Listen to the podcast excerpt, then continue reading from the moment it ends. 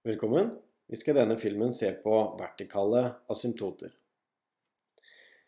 Vi begynner med å se på funksjonen f av x er lik x minus 2 delt på x pluss 2. Og det som kan være verdt å se nærmere på her, er nevneren. Fordi hvis vi setter inn x lik minus 2, så vil nevneren på funksjonsuttrykket bli 0. Og det betyr at eh, grenseverdien når x går mot minus 2 for funksjonen x minus 2 delt på x pluss 2, den eksisterer ikke. Den er udefinert. Men la oss se nærmere på hva som skjer når vi putter inn verdier av x som er veldig nære minus 2. Så vi kan sette opp en liten tabell. Vi setter opp x, og så setter vi opp f av x. Så skal vi se, se på noen verdier her. Og først kan vi jo se på hva som skjer hvis vi har en x som er litt grann mer negativ. 2, minus 2,001 f.eks. Hva blir funksjonsverdien da? Og så vet vi at eh, når x er lik minus 2, da, da blir jo nevneren 0, eh, så da er den udefinert.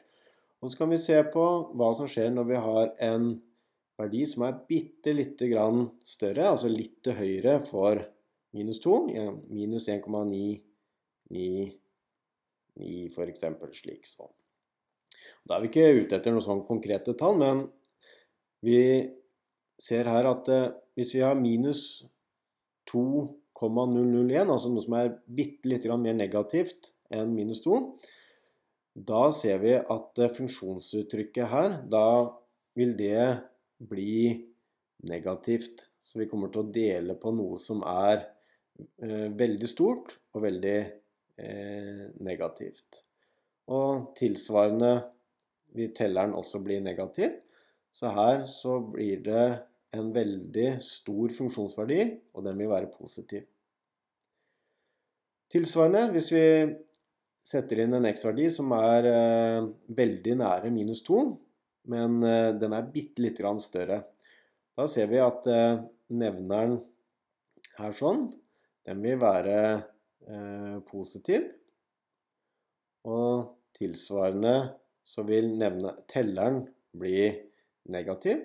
Så her får vi en veldig stor funksjonsverdi, men den vil være negativ. Hvis vi da tegner opp et uh, et uh, diagram hvor vi prøver å tegne det, så kan vi skrive inn minus 2 der sånn.